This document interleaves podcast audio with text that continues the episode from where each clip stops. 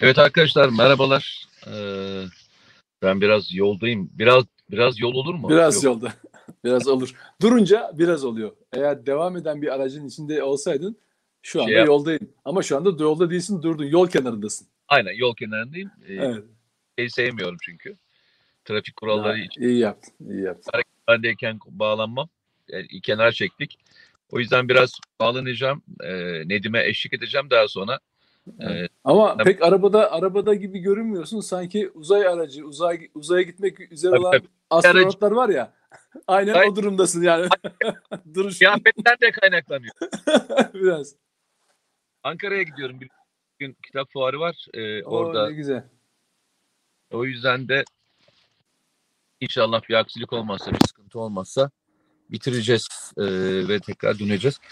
E, tabii dün e, böyle ilginç gelişmeler yaşandı arka arkasına. Bunlardan bir tanesi, tabii en önemlilerden bir tanesi neydi sevgili kardeşim? Hatırlıyorsun. Neydi?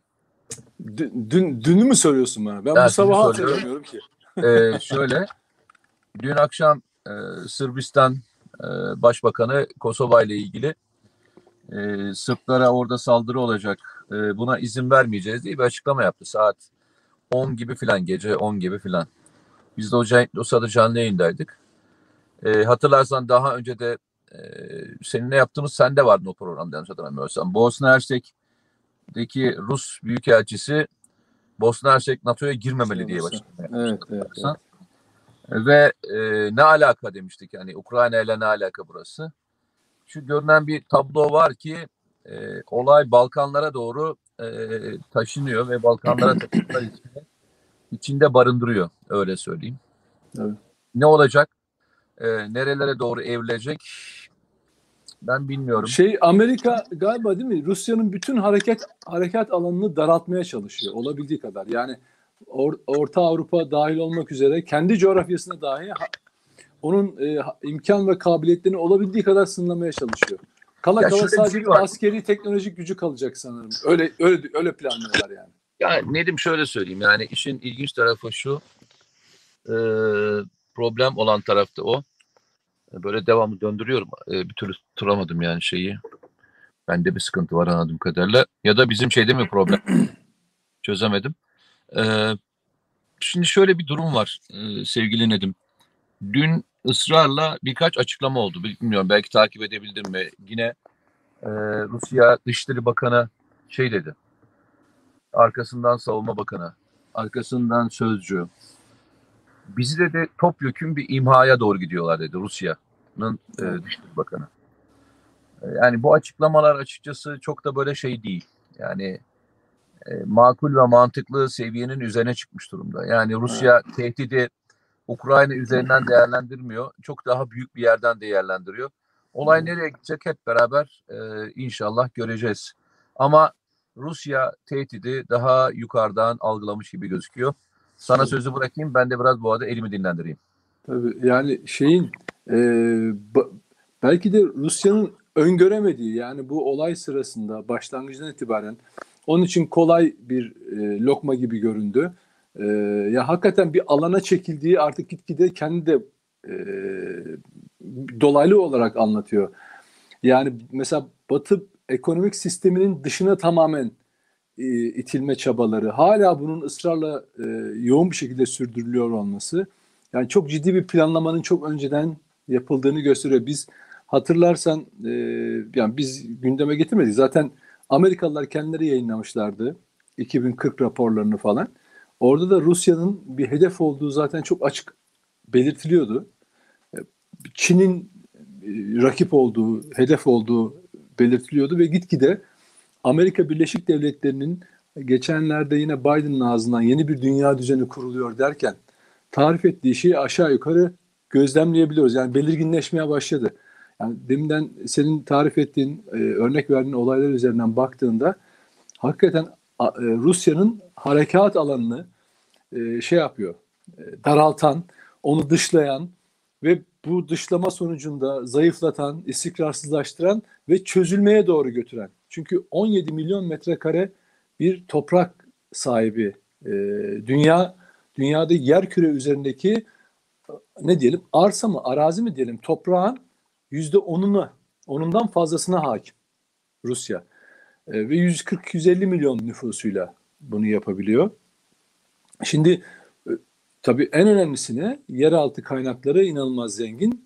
E, işte görüyorsunuz e, Avrupa'ya yaptırımlar Avrupa'ya enerji maliyeti olarak, dünyaya enerji maliyeti olarak e, doğuyor, e, e, yansıyor. Yine hububat, işte gıda ürünlerinin halini görüyorsunuz. Yani hani bizde de yaşandı bir takım e, ürünlere yönelik saldırılar. Dün mesela hakikaten inanamadım. Acaba dedim ki bu herhalde Türkiye'dendir. Fransa'da mesela marketlerde zeytinyağı, şey, yağ, yağ, e, sıvı yağ e, şey olmuş. Talep fazlalaşmış bir anda. Çünkü gitgide bir gıda yokluğu şeyi var ve uyarılar gitgide artıyor. Bunun bir dünyayı yeni bir gerçekten çok yeni bir düzene ve yeni bir anlayışa götüreceği çok kesin. Ben e, mesela sosyalist blok ayaktayken yani Sovyet Sosyalist Cumhuriyeti Cu- e, Sovyetler e, Birliği ayaktayken o zaman bir kendi ekonomik sistemi vardı, askeri sistemi vardı, Varşova Paktı. E, kendi ekonomik ticari e, ilişkileri vardı. İşte Sovyet e, dedikleri, Sovyetler dedikleri ülkelerle e, o sosyalist e, diye tanımlanan ülkelerle işte kiminden hububat, kiminden e, makina, kiminden işte efendim yeraltı kaynakları olmak üzere bir o zamanki Sovyetler Birliği'nin kuruluşundaki ana amaç işte üretim yapılarının dağıtıldığı ama aynı zamanda bunların ortaklaşa paylaşıldığı bir sistemdi o. Ondan sonra tabii tabii birçok şeyleri sorunlar ortaya çıktı. Bürokratik e, yönden çok önemli sorunlar çıktı. Ama o zaman şöyle güçlü ellerinde güçlü bir argüman vardı. Bir duvarın arkasında görünür görünmez bir demir perde derdik onu denilirdi ona. İşte Doğu blokunun arkasında kendi sistemleri vardı. Fakat e, 90 yılından sonra bu açılım e, ve işte şeffaflık e, nedir o küreselleşmeden sonra Rusya ekonomik olarak da batıya entegre oldu. E, yani dolar üzerinden alışverişler yapılınca bu sefer bakın dolara şey koyunca e, ticaret yani sivil işlemlerine sınırlama koyunca bir anda ekonomisi olumsuz etkilendi. İşte rublesin, rublenin değeri inanılmaz şey yaptı, e, düştü. Dolayısıyla o zaman dünyaya dünyada yeni bir dönemin başlaması yani Rusya ayakta kalacaksa yeni bir sistem e, oluşturması şeydir mukadder. Yoksa ayakta kalamayacak. O çok açık. Gitgide bu şu gün daha e, Ukrayna'daki savaşın daha birinci ayında bu kadar e, darbe yedi. Bunun iç yansımaları çok fazla olur. E, yeni bir sistem kurabilirse yani Çin'le ilişkileri sağlıklı, kendince sağlıklı bir noktaya getirebilirse, işte Türkiye üzerinden e, bir takım e, şeyler yürürse, ticari ilişkileri falan yürürse ayakta kalabilir. Yoksa e, hakikaten Amerika Birleşik Devletleri şeyden vazgeçmiyor, o blokajdan. Bir an yani burada aslında hani komple teorisi gibi gelecek ama yani Ukrayna gerçekten e, Rusya'nın önüne bir e, yem olarak konmuş. Rusya'nın ne yapacağı e, veya ne yapamayacağı, ne yapamayacağı e, buna karşı yaptıklarına karşı nasıl bir algı operasyonları yürütüleceği ağır ağır planlanmış ve bunların hepsi uygulanıyor. Yani biz Rus yani öbür taraftan Ukrayna kanadından birçok medya ya algısı bize e, ulaştırılıyor. Biz görüyoruz. Karşı taraftan hiçbir bilgi alamıyoruz. Hiçbir şey yansımıyor. Ne durumda olduğunu bilmiyoruz ve biz buradaki algı meselesiyle uğraşıyoruz. Öbür taraftan tabii bunun e, bize de bir yansıması oluyor.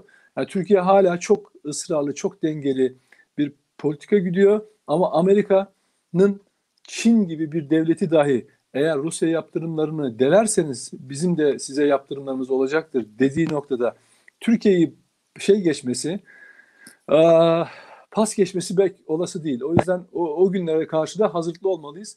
O bunun bunun için en önemli hazırlık bu ekonomik kriz dediğimiz olay kur kur ataklarıyla başladığından beri Mete senin de çok kez söyledik konuştuk.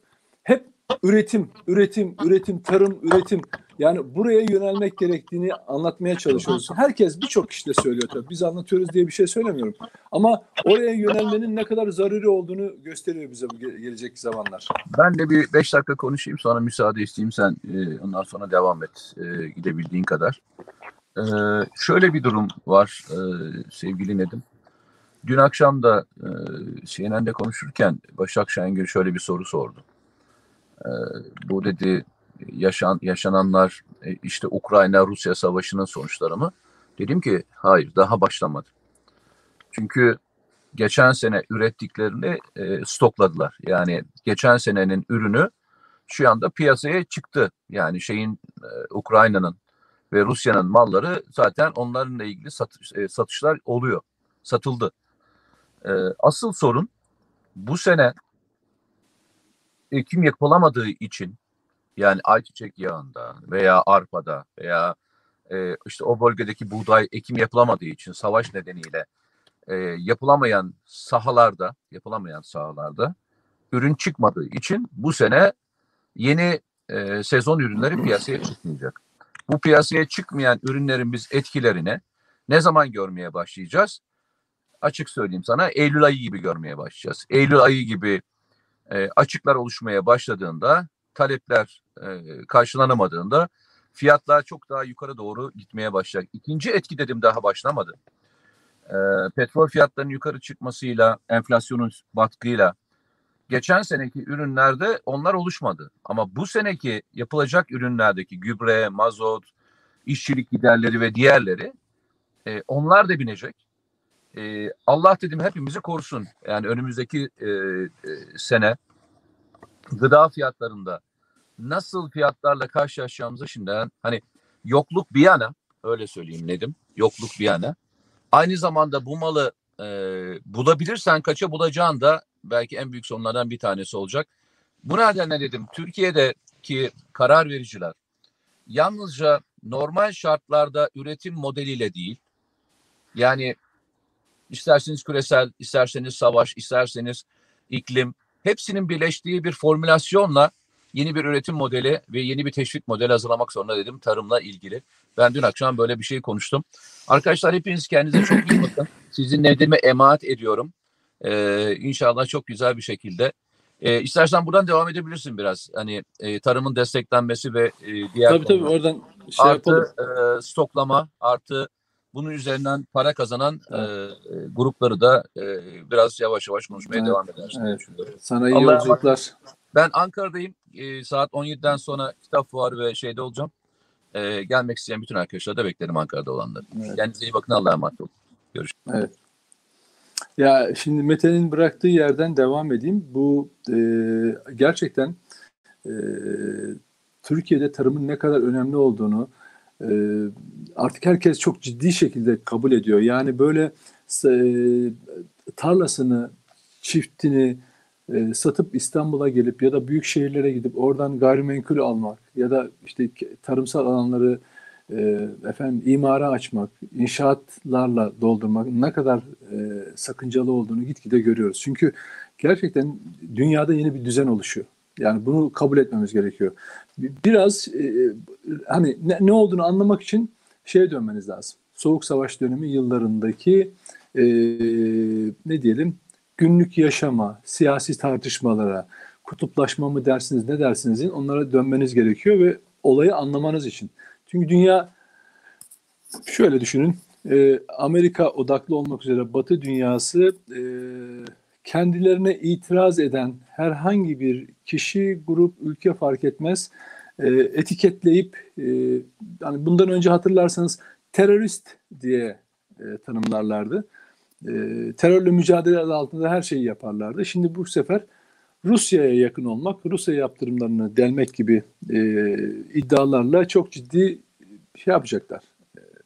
E, cadı avı yapacaklar. O belli. Dünyanın geri kalanı bunu yapacak. Şimdi Amerika'nın aldığı kararlara uyan, koşulsuz şartsız uyan Avrupa'nın yaşadığı sıkıntıyı görüyorsunuz. Yani Avrupa Birliği'nin aslında sadece ekonomik refahı odaklanmış, dünya üzerinde herhangi bir etkisi olmayan, siyasi hiçbir etkisi olmayan, karar sürecinde hiçbir etkisi olmayan ve edilgen bir yapıda olduğunu görüyorsunuz. Yani seslerini çıkartamıyorlar. Kendi me- ekonomik menfaatlerine, toplumlarının menfaatine olan kararları dahi Amerika'nın gölgesine kaldıkları için alamıyorlar. İşte bu noktada Türkiye e, ilginç bir yerde duruyor ve şaşırıyorlar yani Türkiye'nin buraya gelmesine. Hatırlar mısınız? Bir süre önce İbrahim Kalın'ın bir açıklaması vardı. Ne kadar söyleyeyim? 7-8 yıl önce mi? İşte değerli yalnızlık diye. Bunu insanlar böyle çok şey aldılar. O, o, o tarihte Türkiye tek başına yalnızlık noktasına çekilmedi. Türkiye'yi oraya doğru ittiler. Çünkü küresel sistem böyle.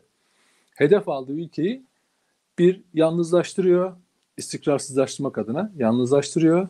Sonra bunu bir etiketliyor ve yaftalıyor. Ardından onun çöküşü için içeriden dışarıdan her etkiyi yaratarak e, çöküşünü hazırlamaya çalışıyor ve Türkiye öyle bir süreçten yaşadı. İşte bu yargı hukuk darbeleri, FETÖ'nün e, faaliyetleri, PKK'nın azdırılması, efendim 15 Temmuz darbe girişimi hep bunlar bunların aparatları, bu araçlar. Yani hiç öyle uzak şeyler değil birbirinden. Bunlar bunun parçasıydı. E, ve sonra Türkiye o değerli yalnızlığın içinde kendini keşfetti. O bazen yalnız kalmak iyidir derler yani bunu herkes söyler. Yan, yalnızlığa çekilmeniz gerekiyor. Ama Türkiye yalnız değildi o tarihte biliyor musunuz? Tek başınaydı. Her, herkes yalnızlıkla tek başına olmanın farkını bilmez. Hatta ikisinin aynı şey olduğunu düşünür. Yalnız size yalnız olmak size biçilen bir konumdur aslında. Ama tek başına olmak bir tercihtir. Türkiye Cumhuriyeti Devleti o zaman tek başına olmayı tercih etti. Neye karşı? Tek başına olan kişi aslında başkalarına karşı, bir çoğuluğa karşı, çoğunluğa karşıdır aslında. Nedir o çoğunluk dediğinizde? Küresel sistem. Hani size 15 Temmuz darbe girişimi gibi ya da başka operasyonlar çekiyor, çekiliyor ve siz bu haksızlığa karşı tek başınıza duruyorsunuz. Yalnız şöyledir. Yalnız depresif bir konudur. Yalnız olmak e, içine kapanmaktır. Çaresiz olmaktır. Çaresizliği hissetmektir. Hayır. Türkiye hiçbir zaman yalnız bir ülke değil. Tek başına bir ülke ve bunu ben daha önce televizyonlarda falan anlatmıştım. Kurtuluş Savaşı'nda da öyleydi. Kıbrıs Barış Harekatı'nda da öyleydi. Ambargolar sürecinde de öyleydi.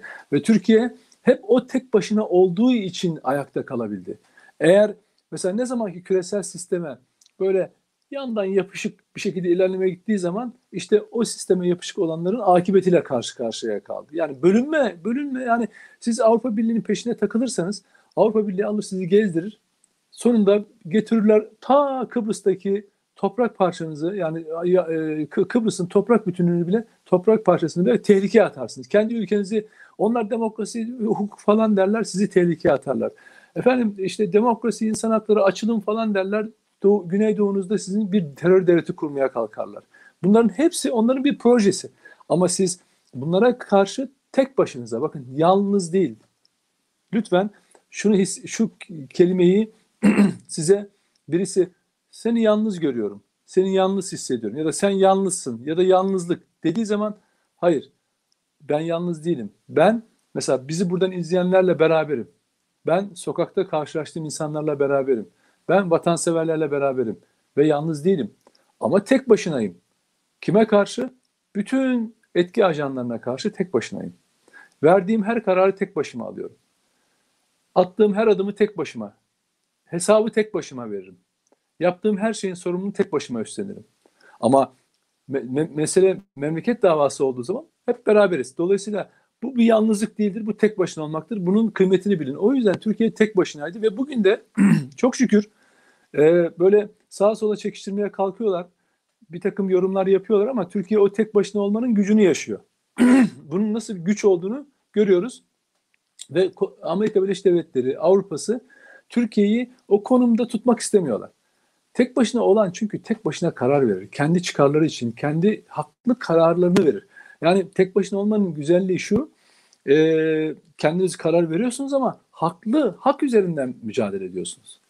Yani bir de tek başına işte yalnız, yalnız, yalnız demek şu, yalnız e, siz zaten kalabalıktınız, sonra sizi onunla yanınızdakiler çekildiler ve siz boşta kaldınız ve yalnız oldunuz. Hayır, bakın asla Türkiye hep bir hak mücadelesi içerisinde bu kavgayı verdi. O yüzden de tek başına olmanın gücünü yaşıyor. Bugün de öyle. Doğu Akdeniz haklı olduğu için tek başına bütün bölge ülkeleri düşmanlık yapmalarına rağmen küresel sistem üzerine gelmesine, Avrupa Birliği üzerine gelmesine ve kendi aralarında Türkiye'ye karşı ittifak yapmalarına rağmen Türkiye Cumhuriyeti Devleti tek başına ayakta kaldı. O tek başına olmak çok değerli bir şey. O yüzden hani değerli bir tek başınalık yaşıyor Türkiye ve bunu bozmaması da çok önemli. Gelecek için de çok önemli.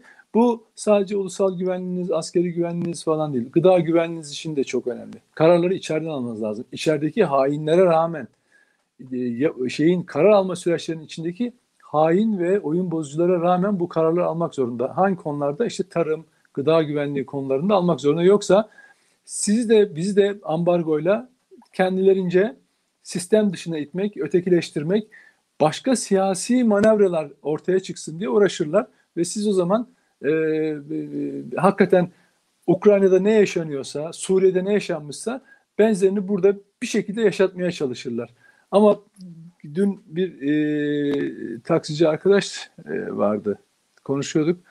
Dedi ki ya Ukraynalıları hiç olmazsa Batı kendine benziyor diyor aldı. Abi diyor bizde diyor böyle bir şey olsa diyor bizi bir yere de almazlar diyor. Yani biz gitmek istesek. Şimdi o gitmek isteyebilir. Gitmek istersek bizi almazlar diye düşünenler olabilir ama bizim gibi gitmek istemeyenler ve mücadele edecek olanlar ayrı tutalım. Ama söylediğinde şöyle bir hak var. Hak, haklılık yönü var. Hakikaten almazlar. Yani buradan öteye size yol yok. Yani Türkiye'de yaşayanlar ama ajanlarına var. Yani Afganistan'da mesela teker, uçak tekerleklerine sa- sarılarak onları götürdüler değil mi? Kargolarda yük gibi götürdüler. E, efendim karayoluyla götürdüler çıkardılar. Başka ülkede uçaklara doldurdular. Yükler gibi, eşya gibi, affedersin, insana yakışmayacak hayvan gibi götürdüler. Çünkü kendi ajanlarıydı, elemanlarıydı. Onları götürürler. Ama sizi e, götürmezler. O yüzden ülkenize sahip çıkmaktan başka çare yok arkadaşlar. Şimdi bir başka konuya geçelim. Yani bütün hafta boyunca e, gündemin gizli maddelerinden bir tanesi diyeyim. Bu Adnan Oktar suç örgütüyle ilgili davayı biliyorsunuz. Geçen hafta, bu geçen haftanın başında yani bu haftanın başında e, Süleyman Soylu, İçişleri Bakanı Süleyman Soylu bir röportaj yaptık. E, orada e, ben bu soruyu sordum. Dedim ki bu örgütle ilgili davada verilmiş cezalar istinaf mahkemesi tarafından bozuldu. İşte 60'tan fazla kişi hakkında da tahliye kararı verildi. Bu biraz garipti bana göre. Yani e, belki şöyle olabilir. Usulden bazı düzeltmeler talep edilebilir gibi geliyor. Fakat tahliyeler falan dışarıda bunların mağduru olan o kadar çok kişi var ki. Bunların bir kısmı da bize de ulaştı ve sokağa çıkamaz hale geldik dediler. Yani ya bu devlete güvenmişler. Ee, içeride ne olup bittiğini e, anlatmışlar. Ne diyelim devlete yardım etmişler. Ama şimdi devlet onların bir kısmı önemli bir kısmını da dışarıya çıkarmış ve bu kişiler evden çıkamayacağız hale geldik diyorlar. Ve korku içindeler. Yani şundan dolayı örgütün bir kendi kapasitesini biliyorlar. İçinde bulundukları için zamanında. Bir de bu örgütle ilgili çok büyük bir operasyon diye açıklamalar yapan devlet yetkililerinin bulunduğu bir bürokrasi, bir yargı, bir devlet yapısı içerisinde lehlerine bir karar çıkabiliyor. Yani çok şaşırtıcı, çok ilginç, çok rahatsız edici. Ve işin içinde yani kararla ilgili usulden bozmalardan falan bahsediyorlar. Esastan bozmalardan bahsediyorlar. Böyle bir örgüt olmadığından veya benzeri şeylerden bahsediyorlar. Ama bu karar yayınlanmadan önce muhatapların eline geçiyor. Bununla ilgili bilgiler ellerine geçiyor. Bu o zaman ne getiriyor bize? Bakın bu yargılamanın kendisi de bir hukuki denetimden geçmek zorunda. Adalet Bakanlığı'na ben hakikaten çağrı yapıyorum. İnsanların kafası çok ciddi karışmış durumda. Bu da örgütün mağdurları olan gençler çok kor büyük korku içindeler. Hakimler, savcılar veya işte adli personelle ilgili çok ciddi yazılar yazılıyor, başvuru, başvurular yapılıyor. Buna bu karara karşı itiraz edildi, itiraz da reddedildi. Bakın itiraz da reddedildi. Yani itiraz neyeydi? Tahliyelerin tahliyelere itiraz edildi. İtiraz da reddedildi. Yani peki o zaman bu hani çok büyük örgüttü, çok devlet yetkilileri açıkladılar. Çok büyük suç örgütüydü falan. O zaman hakikaten bu insanlar melek mi? Yoksa şeytan mı kardeşim? Benim bizim yargımız buna karar veremiyor. Yani şundan dolayı bir yargılamayı yapan mahkeme inanılmaz cezalar veriyor. Bakın o da bir heyet, ağır ceza heyeti. Yukarıda istinaf bunu bozuyor. Hadi gelin anlatın bunu bana. Ya hadi bana bunu gelin anlatın. Ben bunu birçok davalarda görüyorum. Bakın 15 Temmuz öncesi yine uyardım. Yine uyarıyorum. Yine söylüyorum. Biliyorum bıktınız. Artık duymak dahi istemiyorsunuz. Ben görüyorum bakın şahit olduğum olaylar da var. FETÖ diye hiç konuşmak dahi istemiyorsunuz artık. Duymak istemiyor kimse. Bunu her kanattan insana e, şey yapabilirim, örnek verebilirim size. Benim bizzat yaşadıklarım dahil olmak üzere. Duymak istemiyor artık böyle şeyler konuşulsun istenmiyor. Öyle bir yani gerçekten çok şaşkınlık içindeyim. Gerçekten çok şaşkınlık içindeyim. 15 Temmuz'dan önce yani 17-25 Aralık sürecinden sonra e, Fethullahçı terör örgütü ile ilgili açıklamalar yapıldı hatırlayacaksınız. 17-25 Aralık 2013, 15 Temmuz 2016. Tam o sürede yargıda 4500 civarında FETÖ'cüden bahsedilirdi hep. Onu işte yargıda birlik olayları falan o seçimler süreciyle ilgili rakamlar üzerinden hesaplarlardı ve en üst düzeydeki yetkililer basına çıkan haberlerinden bahsediyorum. 4500 FETÖ'cüden bahsederdi. Ben o 15 Temmuz'dan sonra dedim ki 17-25 e, Aralık 2013'ten sonra bu rakamları telaffuz edilmeye başlandı. Peki o sürede yani 17 Aralık'tan sayalım 2013, 14, 14, 15, 16, iki buçuk yıl. Yani 17-25 Aralık'tan 15 Temmuz'a iki buçuk yıl. İki buçuk yıl içinde 4500 FETÖ'cü hakim savcıdan kaçını ihraç edebildiniz falan diye ya da onunla ilgili işlem yapabildiniz. Rakam kaç dersiniz? Daha önce söylemiştim. Test sorusu olarak kabul etmeyin. 64. Sadece 64 kişi. Sadece bu devlet 17-25 Aralık 2013'ten 15 Temmuz 2016 yani 2,5 yıllık biraz daha geçkin bir süre içinde sadece 64 kişi ihraç edebildi ve daha sonra o ihraç da değil özür dilerim görevden uzaklaştırma benzeri şeyler. Sonra 15 Temmuz sabahı bunların bir silahlı terör örgütü olduğu e, ortaya çıkınca artık darbe girişimiyle birlikte silah kullanan bir örgüt işte 2000 civarında bugün itibariyle 3500-4000'e yakın bir ihraçtan bahsediyoruz. Yani bakın sonra biz çok kere söyledik dedik ya bu kadar değil bunu çünkü biz söylemiyoruz. için işin, işin içinde olanlar söylüyorlar. Nitekim işte HSK karar HSK'nın e, elindeki verilere göre 800'e yakın isimden bahsedildi. E, bununla ilgili 400'e yakın dosya e, şeye geldi. HSK'nın önüne geldi. Disiplin soruşturmaları yapılmış. Diğerleri devam ediyordu falan. E ne oldu peki? E ne olacak? O, o laftan bu tarafa yani ya ben diyeyim e, bir geçen hafta 5 kişi, ondan önce bir 5 kişi hatırlıyorum. Ondan önce 15-20 kişi var mıydı yok muydu ihraç edilen falan. Çok emin değilim ama geri kalanı duruyor. Geri kalanı duruyor. Sonra biz diyoruz ki bu kararlar nasıl çıkıyor? Bu soruşturmalar. Geçen gün 23 yerinden bıçaklanan bir insanı e, şey yapan hakim savcı başka yerlere sürülmüş falan. Yani hani hani milli eğitimde bürokraside bürokrasi nasıl devlet yönetimini sabote edenler varsa efendim ne bileyim ben aşırı şiddet uygulayarak polis içinde bu devlet yönetimini sabote edenler varsa, hukuk dışına çıkanlar varsa efendim yargı kararlarıyla da böyle kamikaze kararlar diyoruz ya onu kendi ilgililer söylemişlerdi 15 Temmuz öncesi. Benzeri şeyler var. Geliyoruz o Adnan Oktar meselesine. Ben Adalet Bakanlığı bu konuda ne yapar çok merak ediyorum. Gerçekten merak ediyorum. Bekir Bozdağ geldi. Onun FETÖ'yle mücadelesi, Fethullahçılarla mücadelesi. Ne biliyoruz yani. Ee, bu konuda da hani e, yani Kenan İpek Bey vardı o zamanlar.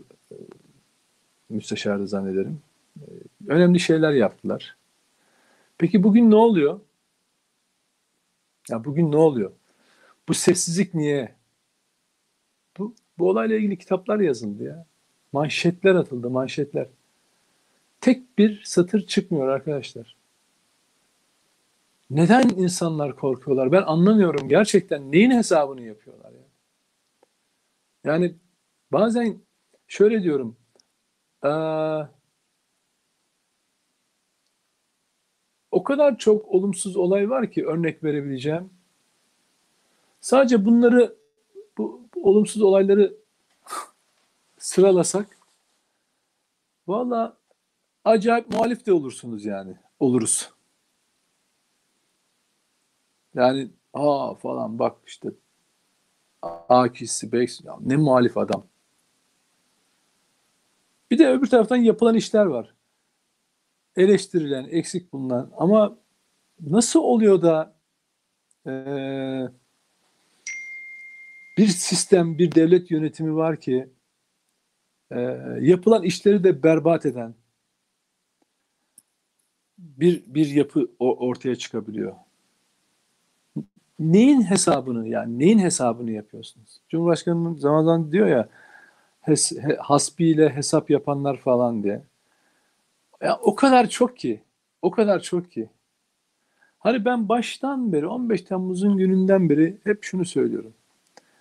Ee, bu devletin en büyük en büyük şeyi ne biliyor musunuz? Gücü böyle bir millete sahip olması. O yüzden devlet ne zaman zora düşse bu millet hep bir şekilde ayakta tutuyor.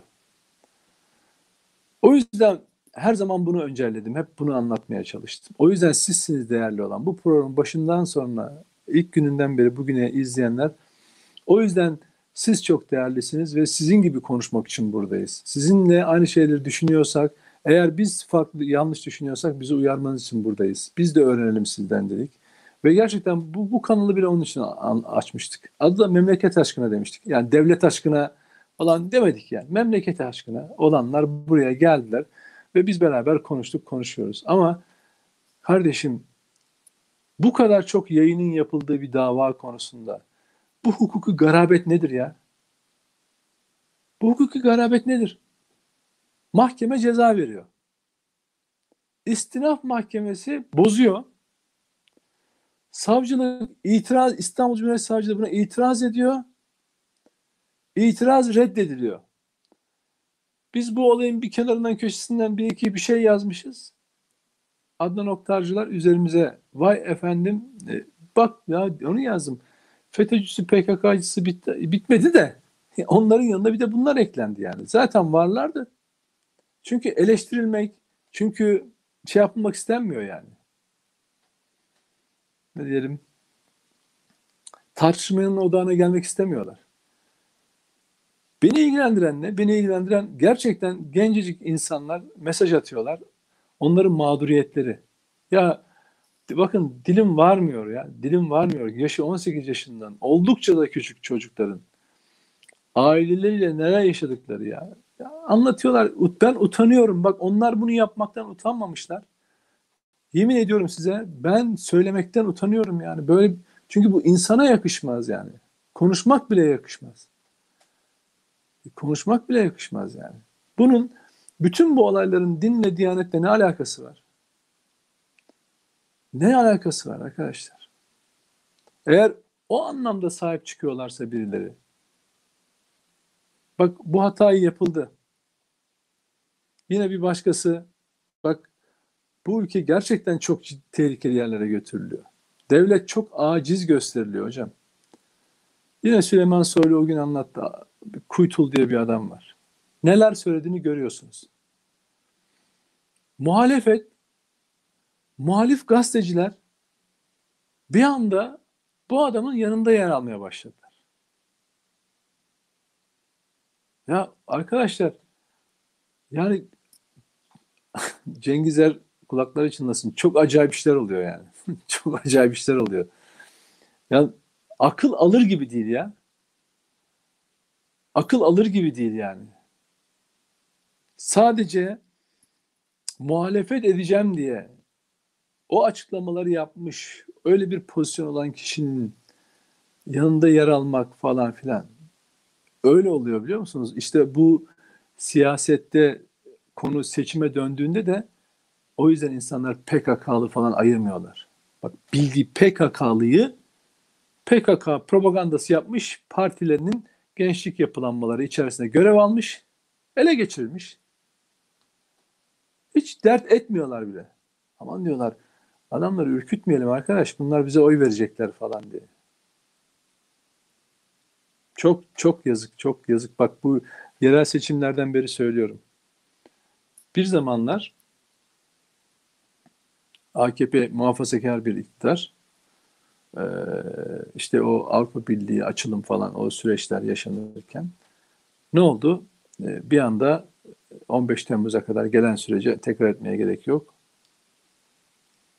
İşte Fethullahçılar örgütünün ne olduğu ortaya çıktı. PKK ile masaya oturulmayacağı ya da onun siyasi ayağıyla iş yapılmayacağı açığa çıktı.